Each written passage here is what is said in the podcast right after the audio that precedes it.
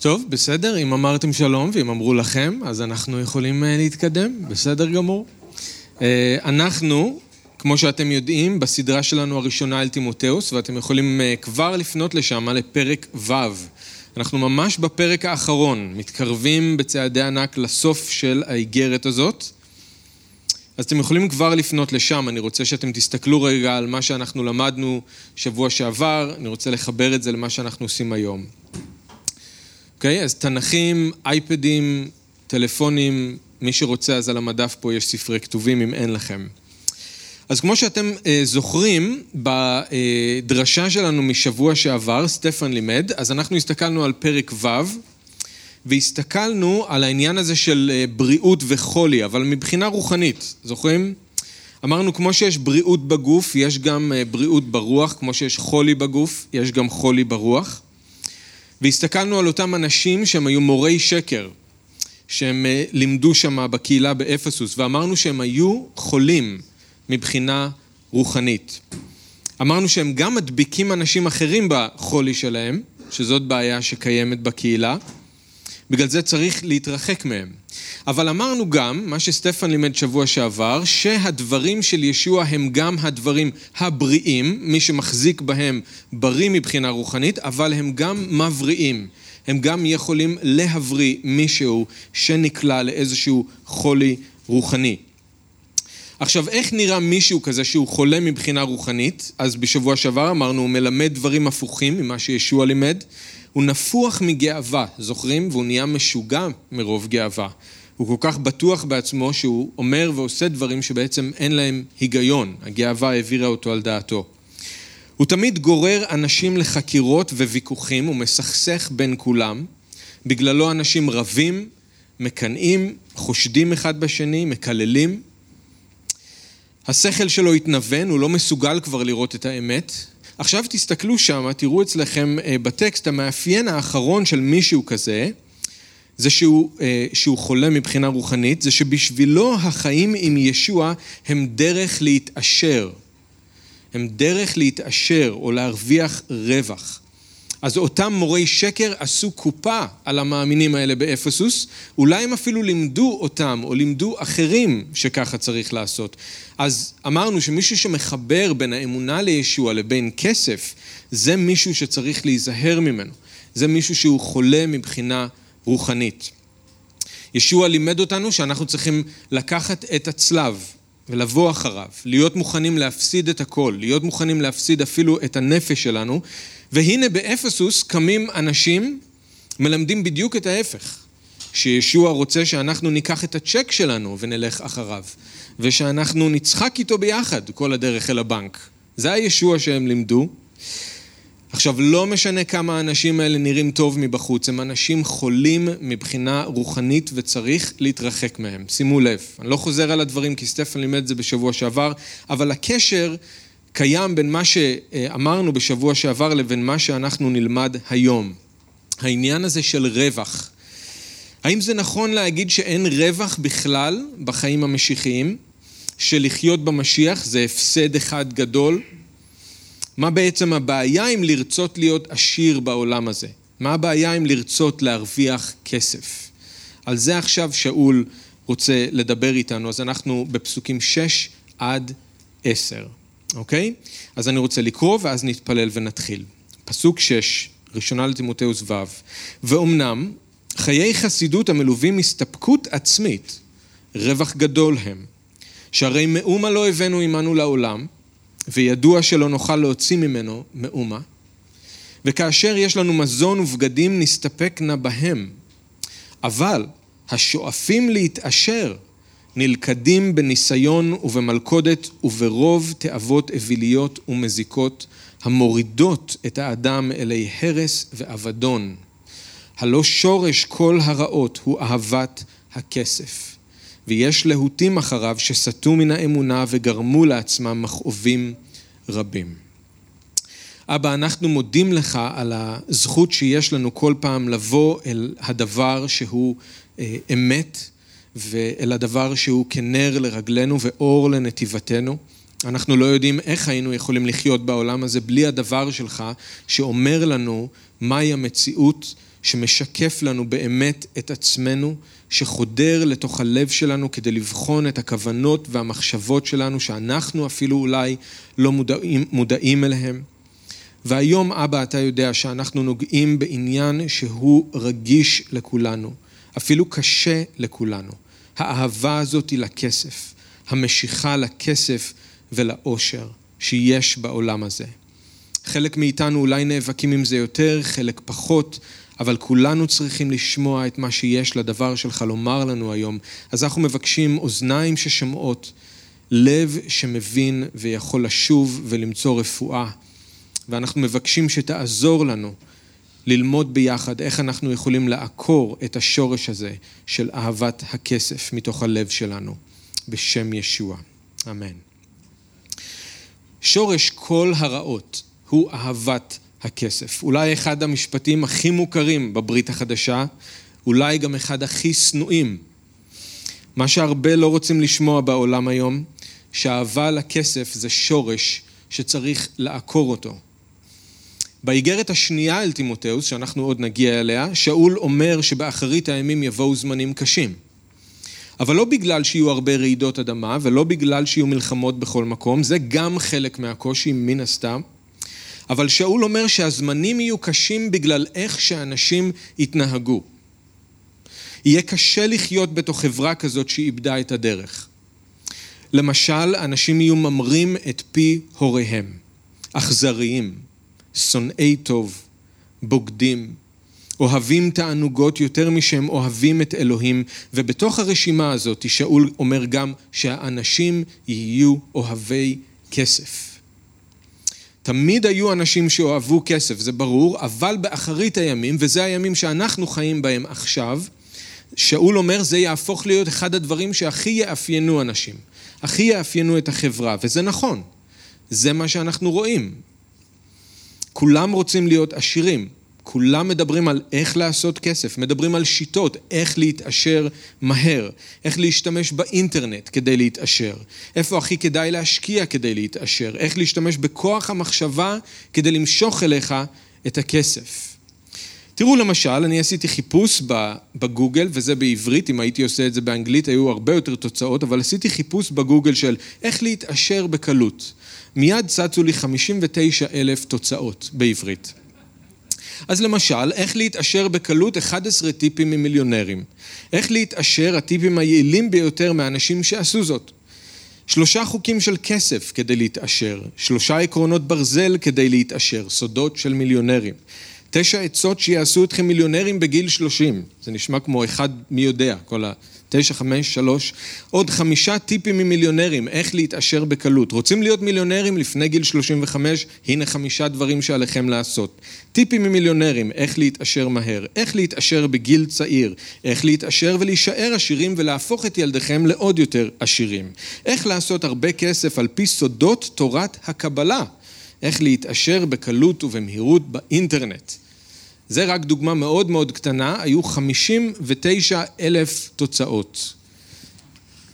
ואני בטוח שאם הייתי עושה את זה באנגלית היו הרבה יותר, ואתם יכולים לעשות את החיפוש הזה בעצמכם, אבל אני מאמין שאתם יודעים שעל זה כולם מדברים.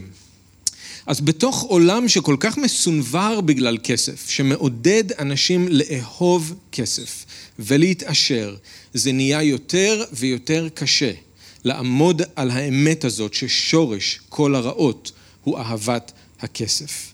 שאהבת הכסף זה שורש שצריך לעקור. אז תכף נראה מה שאול אומר על אהבת הכסף, למה זה כל כך מסוכן.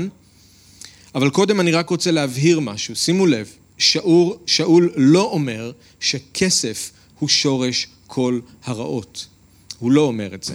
הוא אומר שכסף, לא שכסף זה הבעיה, הוא אומר שהבעיה היא האהבה שיש לאנשים לכסף.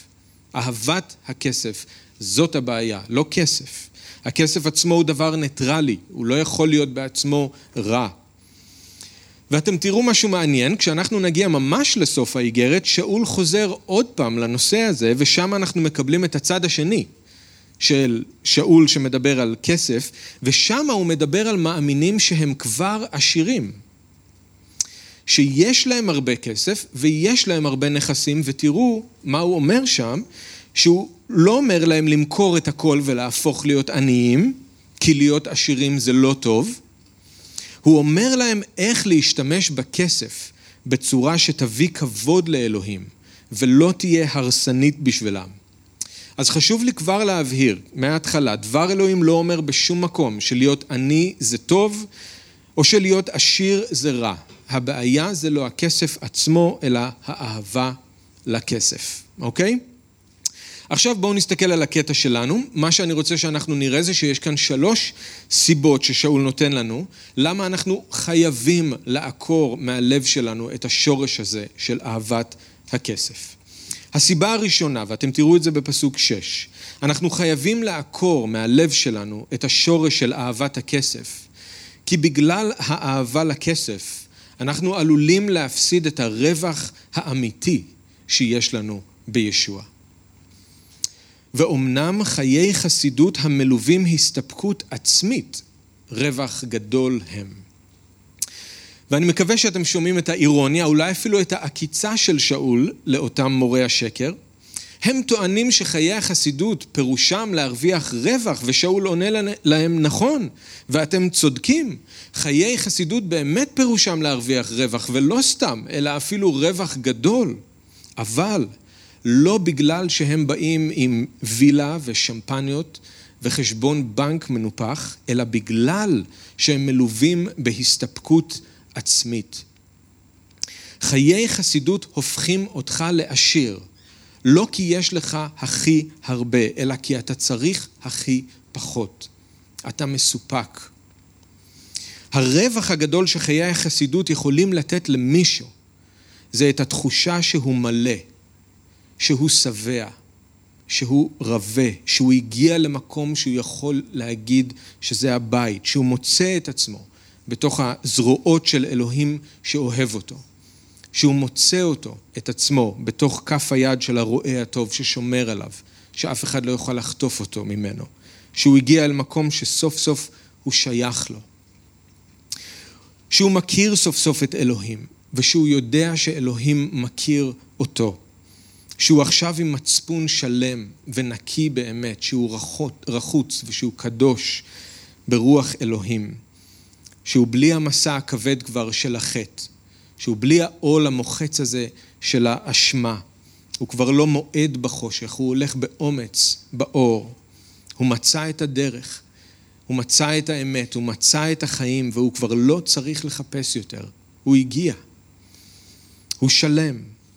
הוא חיפש והוא מצא, והוא ביקש והוא קיבל, הוא דפק על הדלת והדלת נפתחה לו, אז מה הוא עוד צריך?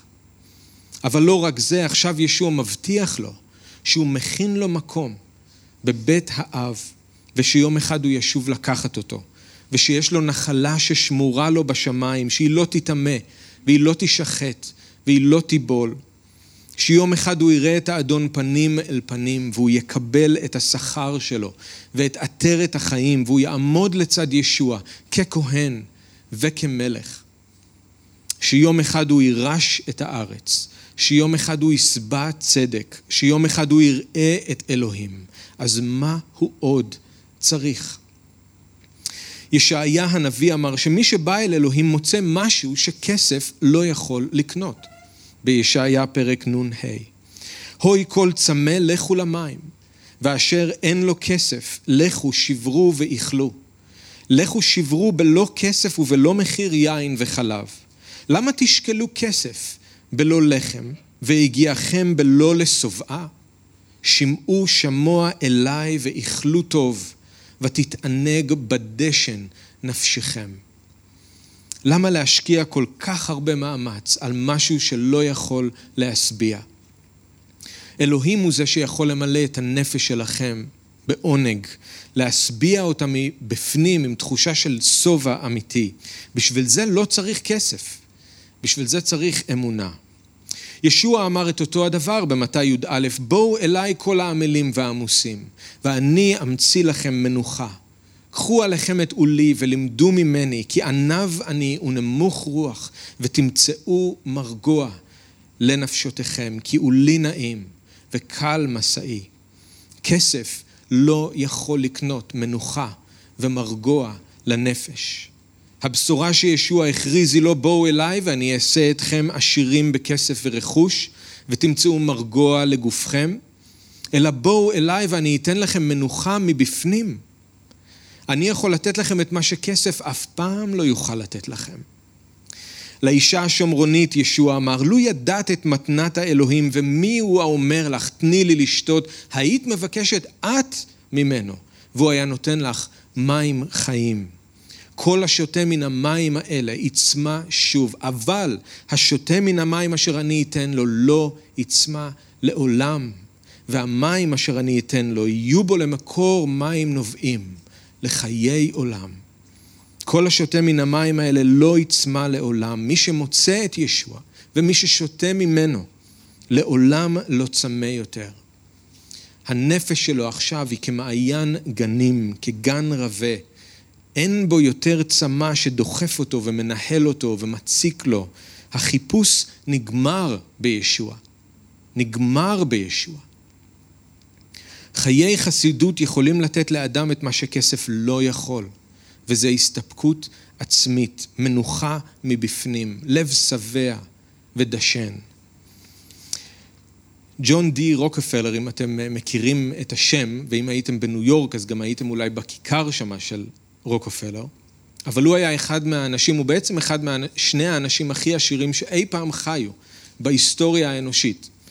הוא, הוא, הוא מת ב-1937, הוא היה ממייסדי תעשיית הנפט, ככה הוא עשה כסף, הערך, ההון האישי שלו, כשמנסים לאמוד את זה במושגים של היום, 418 מיליארד דולר. זה מה שהוא שווה. אחד משני האנשים הכי עשירים שאי פעם חיו בהיסטוריה, עד היום. הוא אמר, האדם הכי עני שאני מכיר, הוא זה שכל מה שיש לו זה כסף. כלומר, האדם הכי עני שאני מכיר, זה זה שכל מה שיש לו זה כסף. במילים אחרות, אחד משני האנשים הכי עשירים שאי פעם חיו בעולם אמר, יכול להיות לך כל הכסף שאתה רוצה, אתה עדיין תהיה עני, כי יש משהו מעבר, חייב להיות משהו מעבר. אם כל מה שיש לך זה כסף, ולא שום דבר אחר, אתה עני. עכשיו, לא רק שהכסף לא יכול לתת לך מנוחה, הוא עושה בדיוק את ההפך. הוא מכניס אותך למרוץ שלא נגמר, ולחוסר מנוחה שלא מפסיק. דבר אלוהים אומר שמי שאוהב כסף, לא יסבע כסף. תמיד הוא רוצה עוד. אף פעם זה לא מספיק. כששאול מתאר כאן את אלה שאוהבים כסף, תסתכלו על איזה מילים הוא משתמש. הוא מדבר על שאיפה, תאווה, אהבה, להיטות, כל הזמן משהו בוער מבפנים, כל הזמן הדחף הזה שלא נותן שקט. האהבה לכסף מצמיעה אותנו, תמיד מושכת אותנו לעוד הרפתקה, לעוד הזדמנות, לעוד השקעה. אף פעם אתה לא מגיע, אף פעם אתה לא עוצר, אף פעם אתה לא נח. העיניים שלך מתרגלות למספרים ואתה תמיד רוצה לראות עוד כמה ספרות, אתה רוצה לראות עוד כמה אפסים. יש פתגם שאומר שהכסף הוא כמו מי ים. כמה שאתה שותה ממנו יותר, ככה אתה נהיה יותר צמא.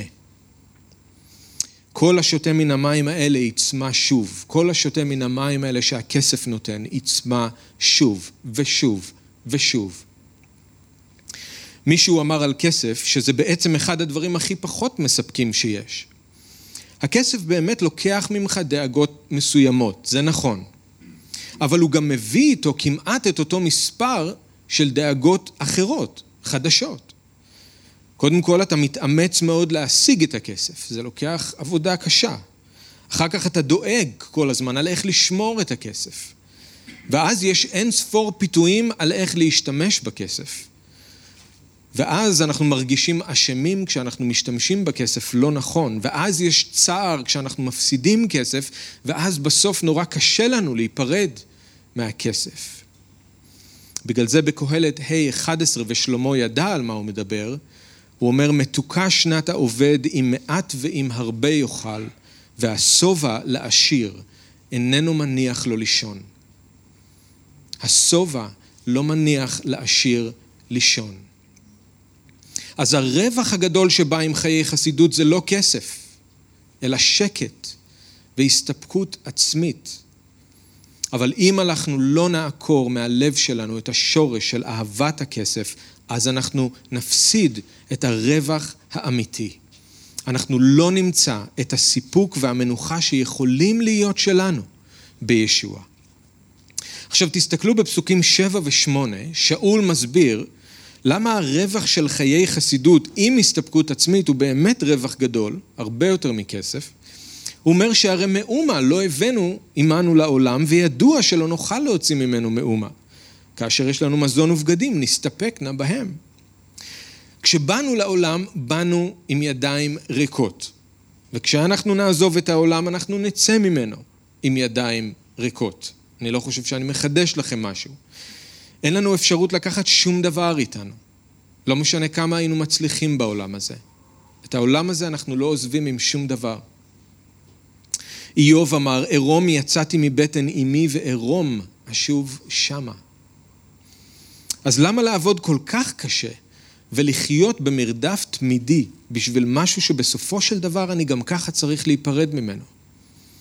משהו שאני גם ככה לא יכול לקחת איתי.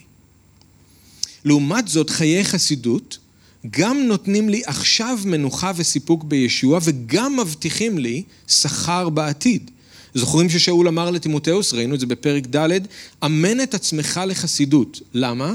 שהרי ההתאמנות הגופנית מועילה במידה מעטה, אבל החסידות מועילה בכל, ובה הבטחה לחיים שבהווה ולחיים שעתידים לבוא. כשאני משקיע זמן ומאמן את עצמי בחיי חסידות, אני משקיע בצורה חכמה, במשהו שלא יילקח ממני. אני עוצר לעצמי אוצר שיום אחד אני אקבל אותו.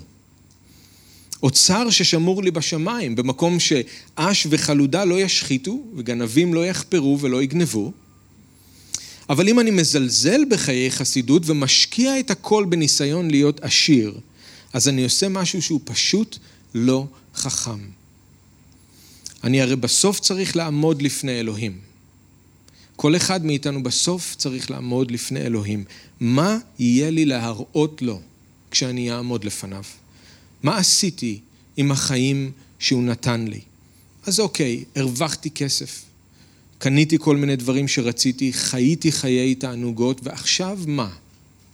אני עומד לפני אלוהים בלי כלום. כי התרכזתי בלאגור לעצמי דברים שאני לא יכול לקחת איתי אחר כך. אז אני עומד לפני אלוהים עירום ועני. כמו האיש העשיר, אתם זוכרים במשל של ישוע, הוא הסתכל על כל מה שיש לו והוא אמר, וואו, יש לי כל כך הרבה, מה אני אעשה עם כל מה שיש לי? אין לי כבר איפה לשים את הכל. אני אבנה אסמים יותר גדולים. וזה מה שהוא עושה, ואחרי זה הוא מדבר לעצמו והוא אומר, נפשי, יש לך הרבה דברים טובים שנאגרו לשנים רבות. היא נפשי, אכלי, שתי ושמחי.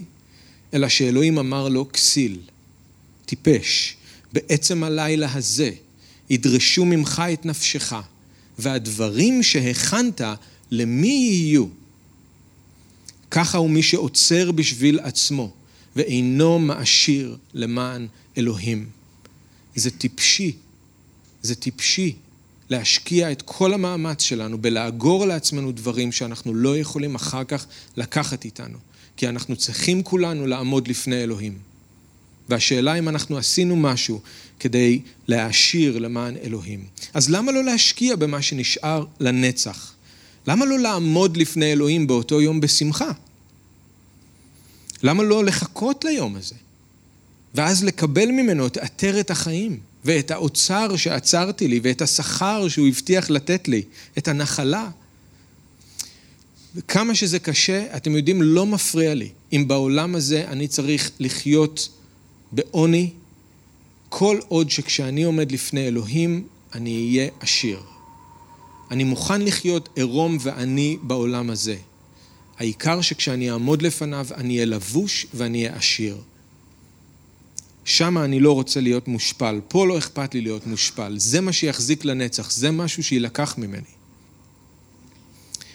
אז אם אנחנו באמת מבינים מה הרווח הגדול שיש בחיי חסידות, שמלווים בהסתפקות עצמית, אז כמו ששאול אומר, אנחנו באמת נוכל להיות מסופקים גם אם כל מה שיש לנו זה מזון ובגדים.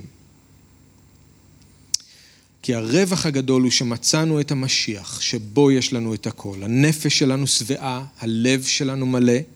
אנחנו כבר לא צמאים ורעבים, אנחנו לא נודדים ממקום למקום, כבר לא מחפשים את עצמנו ואת משמעות החיים. מצאנו. תשמעו מה כתוב באל העברים, פרק י'. זכרו את הימים, הוא מדבר על המאמינים שאליהם הוא כותב, היהודים המשיחיים מהמאה הראשונה, זכרו את הימים הראשונים כאשר אורו עיניכם ועמדתם במאבק קשה ובצרות. פעמים סבלתם חרפות וצרות לעיני כל, פעמים השתתפתם עם אלה אשר סבלו זאת, כי אכן צר היה לכם על האסירים, ואת גזלת רכושכם, תראו את הגישה שלהם, את גזלת רכושכם סבלתם בשמחה. מתוך ידיעה שיש לכם בשמיים קניין טוב יותר, יציב וקיים. איך אתה יכול לשמוח כשלוקחים לך את כל הכסף ואת כל הרכוש? אתה יכול. אם הנפש שלך נחה באדון ולא בכסף, אם אתה יודע שיש לך נחלה ויש לך אוצר שאף אחד לא יכול לקחת ממך, שזה שלך, אותו הדבר שאול אומר לפיליפים בפרק ד', אינני מדבר מתוך מחסור. למדתי להסתפק, אותה מילה, למדתי להסתפק במה שיש לי, בכל מצב. יודע אני לעמוד בעוני, יודע אני לעמוד בשפע. בכל דבר ובכל הנסיבות מורגל אני גם לשובע וגם לרעב, גם לשפע וגם למחסור. הכל אני יכול בעזרתו של הנותן בי כוח. שאול מצא את הרווח האמיתי במשיח, ולא בנסיבות שהוא היה בהן, או מה היה לו או לא היה לו. הוא למד להסתפק והוא למד להישאר עומד גם בתקופות של שפע, גם בתקופות של מחסור. ותשימו לב שהוא אפילו מזכיר רעב, שזה מעניין, כי זה אומר שלפעמים אפילו את הצורך הבסיסי הזה לא היה לו. אוכל. ועדיין בכוח שהאדון נתן לו, הוא נשאר מסופק. ודרך אגב, הוא אומר, למדתי להסתפק. אני מורגל. זה דבר שלומדים אותו. זה בסדר אם אני היום לא מרגיש שאני יכול, אתם לא מרגישים שאתם יכולים. בואו נחליט שאנחנו לומדים להסתפק בכל מצב. אז הסיבה הראשונה שאנחנו חייבים לעקור מהלב שלנו את השורש הזה, שהוא אהבת הכסף, זה שאם לא נעשה את זה, אנחנו עלולים להפסיד את הרווח האמיתי שיש לנו במשיח, חיי חסידות שמלווים בסיפוק אמיתי ובמנוחה בכל מצב. משהו שכסף לא יכול לתת לנו, ומשהו שאהבת הכסף יכולה לקחת מאיתנו, אוקיי? Okay? הסיבה השנייה, למה אנחנו חייבים לעקור מהלב שלנו את השורש של אהבת הכסף? כי בגלל האהבה לכסף, אנחנו עלולים לעשות דברים שאנחנו לא תכננו ולא דמיינו, שאנחנו מסוגלים לעשות, בגלל אהבה לכסף. תסתכלו בפסוק תשע. אבל השואפים להתעשר, אלה שלא מצאים אה, סיפוק עם חיי החסידות, אלה ששואפים להתעשר, נלכדים או נופלים אל תוך ניסיון ומלכודת ורוב תאוות אוויליות ומזיקות המורידות את האדם אלי הרס ואבדון. אם יש לנו בלב את השורש הזה של אהבת הכסף, אז לא רק שאנחנו נפסיד את הרווח האמיתי שיש לנו במשיח, אלא אנחנו גם עלולים להיגרר רחוק אל מקומות שאנחנו לא חשבנו שנגיע אליהם. עכשיו, שאול מתאר את זה כאן בצורה מאוד מאוד גרפית. מישהו שמתחיל ליפול באיזשהו מדרון חלקלק והוא לא מצליח לעצור. זאת התמונה. קודם כל הוא נופל לתוך כל מיני ניסיונות, או יותר נכון לתרגם כאן את המילה פיתויים. אחר כך הוא מוצא את עצמו פתאום לחוד, במלכודת, הוא לא יכול לצאת. ואז הוא מגלה שבינתיים כל מיני תאוות מתגברות עליו, כל מיני תאוות מטופשות והרסניות מתעוררות בתוכו, מתגברות עליו, בסוף מובילות אותו לאסון, והוא נופל ומתרסק ונשבר. ובעצם כשכתוב לנו כאן שהתאוות מורידות את האדם אלי הרס ואבדון, המילה כאן היא מטביעות, שזה מאוד מעניין, מתחת למים. זאת התמונה. בסוף התאוות שלו מטביעות אותו והוא שוקע עמוק והוא צונח לתחתית. התאוות שלו בסוף מתגברות עליו והורגות אותו. מי ששואף להיות עשיר צריך לדעת שהוא שם את עצמו על מסלול שמוביל להרס. עכשיו תקשיבו, זה לא מי ששואף להצליח בחיים לפי מה שאלוהים ברא אותו להיות. זה לא מי ששואף להיות בעל השפעה בעולם באיזשהו תחום. אנחנו לא מדברים למשל על מישהו ששואף להיות מורה שמחולל איזה שינוי בעולם החינוך. אנחנו לא מדברים על חוקרת ששואפת להביא לפריצת דרך בתחום המדע והרפואה. או מישהו ששואף להיות ספורטאי ברמה בינלאומית, או מישהו ששואף להיות איש עסקים מצליח. אנחנו מדברים על מישהו ששואף פשוט להיות עשיר. ההבדל הוא קריטי, כי מי ששואף להצליח ולהצטיין במשהו, כי הוא רוצה להשפיע על אחרים לטובה, על ידי המקצוע או על ידי השירות שהוא נותן, או להביא לאיזה שינוי חשוב באיזשהו תחום, או פשוט להיות עדות למשיח, זה מבורך. אלוהים רוצה שאנחנו נשאף להיות כל מי שהוא ברא אותנו להיות, ושנשתמש ביכולות שהוא נתן לנו, כדי להשפיע על אחרים לטובה, כדי להיות עדות בשבילו. ואז, אתם יודעים מה? אולי תוך כדי שאנחנו מגשימים את הייעוד שלנו, אז אלוהים מברך אותנו בכסף. ואולי הוא מברך אותנו אפילו בהרבה כסף. מצוין. אין עם זה שום בעיה. אבל זה בגלל שהיעד שלנו הוא לא להתעשר, אלא להגשים את הייעוד שלנו ולהשפיע לטובה. אז יש הבדל גדול מאוד. אבל מי ששואף להיות עשיר, אז היעד שלו זה להיות עשיר. אתם מבינים? היעד שלו זה להפוך את עצמו להיות איש עשיר. היעד שלו הוא להרוויח כסף. בזה זה נגמר. זה מה שמוביל לאסון. כי כשהמטרה היא כסף, אז כל השאר אמצעים, והמטרה מקדשת את האמצעים. כשמה שמעניין את הבן אדם זה כסף, אז כל דבר בחיים שלו הוא רק אמצעי כדי להשיג עוד כסף. אין לו חזון לחולל איזה שינוי בעולם, הוא לא מנסה למצוא איך להשפיע לטובה על אחרים, הוא לא רוצה לתקן משהו ששבור בחברה, הוא לא חולם על איך לעזור לאנשים אחרים. הוא רק שואף להיות עשיר. ואם זה מה שבאמת הכי חשוב לו, אז הוא יעשה הכל כדי להשיג את היעד הזה. הכל.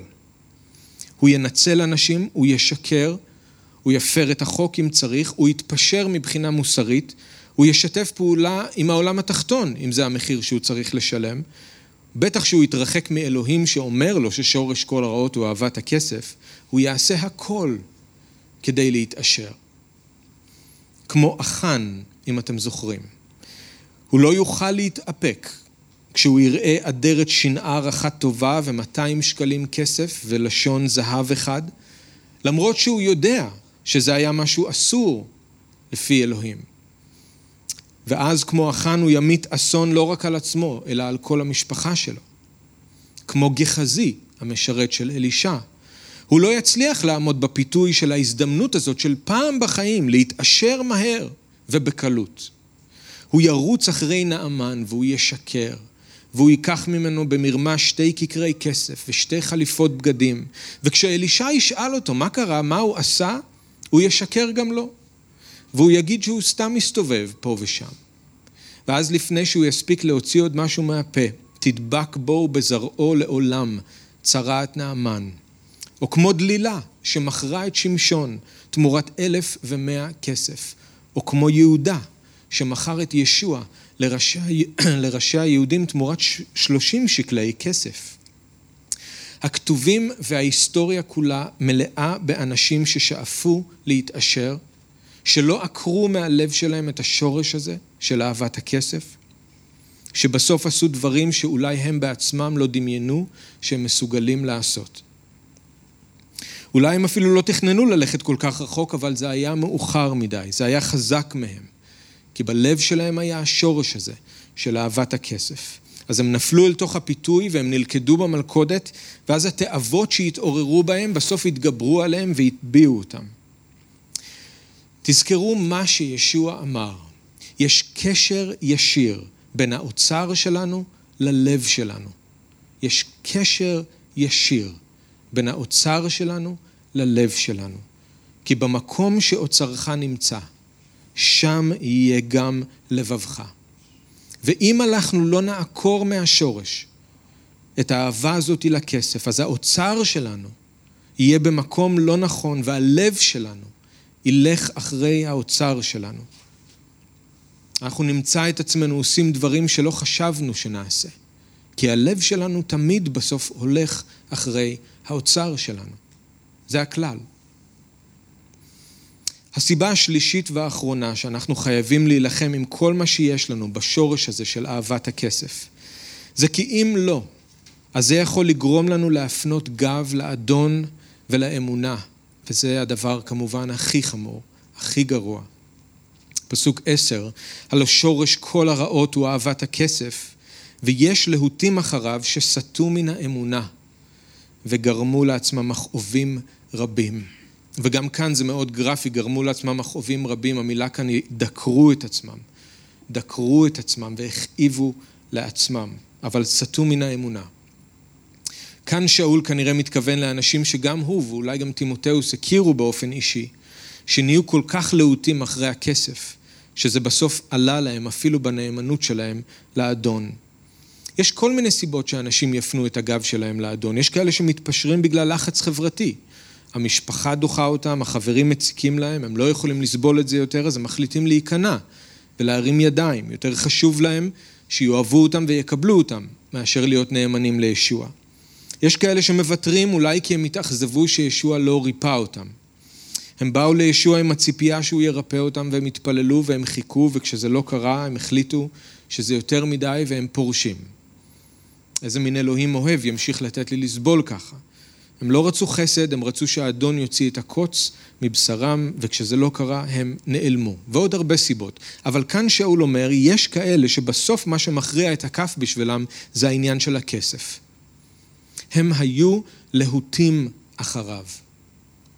זה בער בהם להרוויח, וכמה שיותר. הם שאפו להתעשר יותר משהם שאפו לכל דבר אחר. הם הוקסמו ממה שכל, מה שהכסף יכול לתת להם, והם לא יכלו לעצור את עצמם. הם נפלו אל תוך הפיתוי, משם אל המלכודת, ושם כל התאוות שהתעוררו בהם הצליחו להתגבר עליהם ולהטביע אותם מבחינה רוחנית. ישוע דיבר על אוצרות בשמיים והם רצו אוצרות כאן בארץ. ישוע אמר שהם לא יכולים לעבוד שני אדונים, גם את האלוהים וגם את הממון, והם רצו את הממון. ישוע הזהיר את התלמידים שלו, שימו לב, והיזהרו מכל חמדנות, כי חיי האדם אינם תלויים בשפע נכסיו. והם הרגישו שהחיים שלהם לא שווים כלום אם אין להם נכסים. הם ידעו שישוע אמר לתלמידים שלו שיותר קל לגמל לעבור דרך נקב המחט מייכנס עשיר אל מלכות האלוהים. והם לעגו, או לא האמינו שזה נכון. הם לא עקרו מהלב שלהם בזמן את השורש הזה של אהבת הכסף. אז אותה רוח שהייתה ביהודה מילאה גם אותם, והם בגדו בישוע בשביל כסף. הם חשבו את אוצרות מצרים לאושר גדול מחרפת המשיח, כי הם לא נשאו את עיניהם אל הגמול. זה קורה כל הזמן. העולם משקר לנו כל הזמן, מבטיח לנו משהו שכל עשירי העולם הזה יודעים שכסף לא יכול לתת. וישוע מבטיח לנו בחינם על ידי אמונה את הדבר הזה שאנחנו יכולים לקבל ממנו שכסף לא יכול לתת לנו, הסתפקות עצמית, מנוחה, שקט, בוא. איזה יופי להיות עשירים, לא כי יש לנו הכי הרבה, אלא כי אנחנו צריכים הכי פחות. בקהלת כתוב לנו שיש עת לטעת ויש עת לעקור נטוע, ועכשיו העת לעקור נטוע. ואני אומר לכם, אנחנו צריכים לשמוע את המסר הזה יותר ממה שה... שטימותאוס והקהילה אז באפסוס היו צריכים לשמוע את המסר הזה, כי אנחנו חיים באחרית הימים, ובאחרית הימים כתוב לנו שיהיו אנשים אוהבי כסף, יותר מכל זמן אחר בהיסטוריה, וזה מה שאנחנו רואים עכשיו.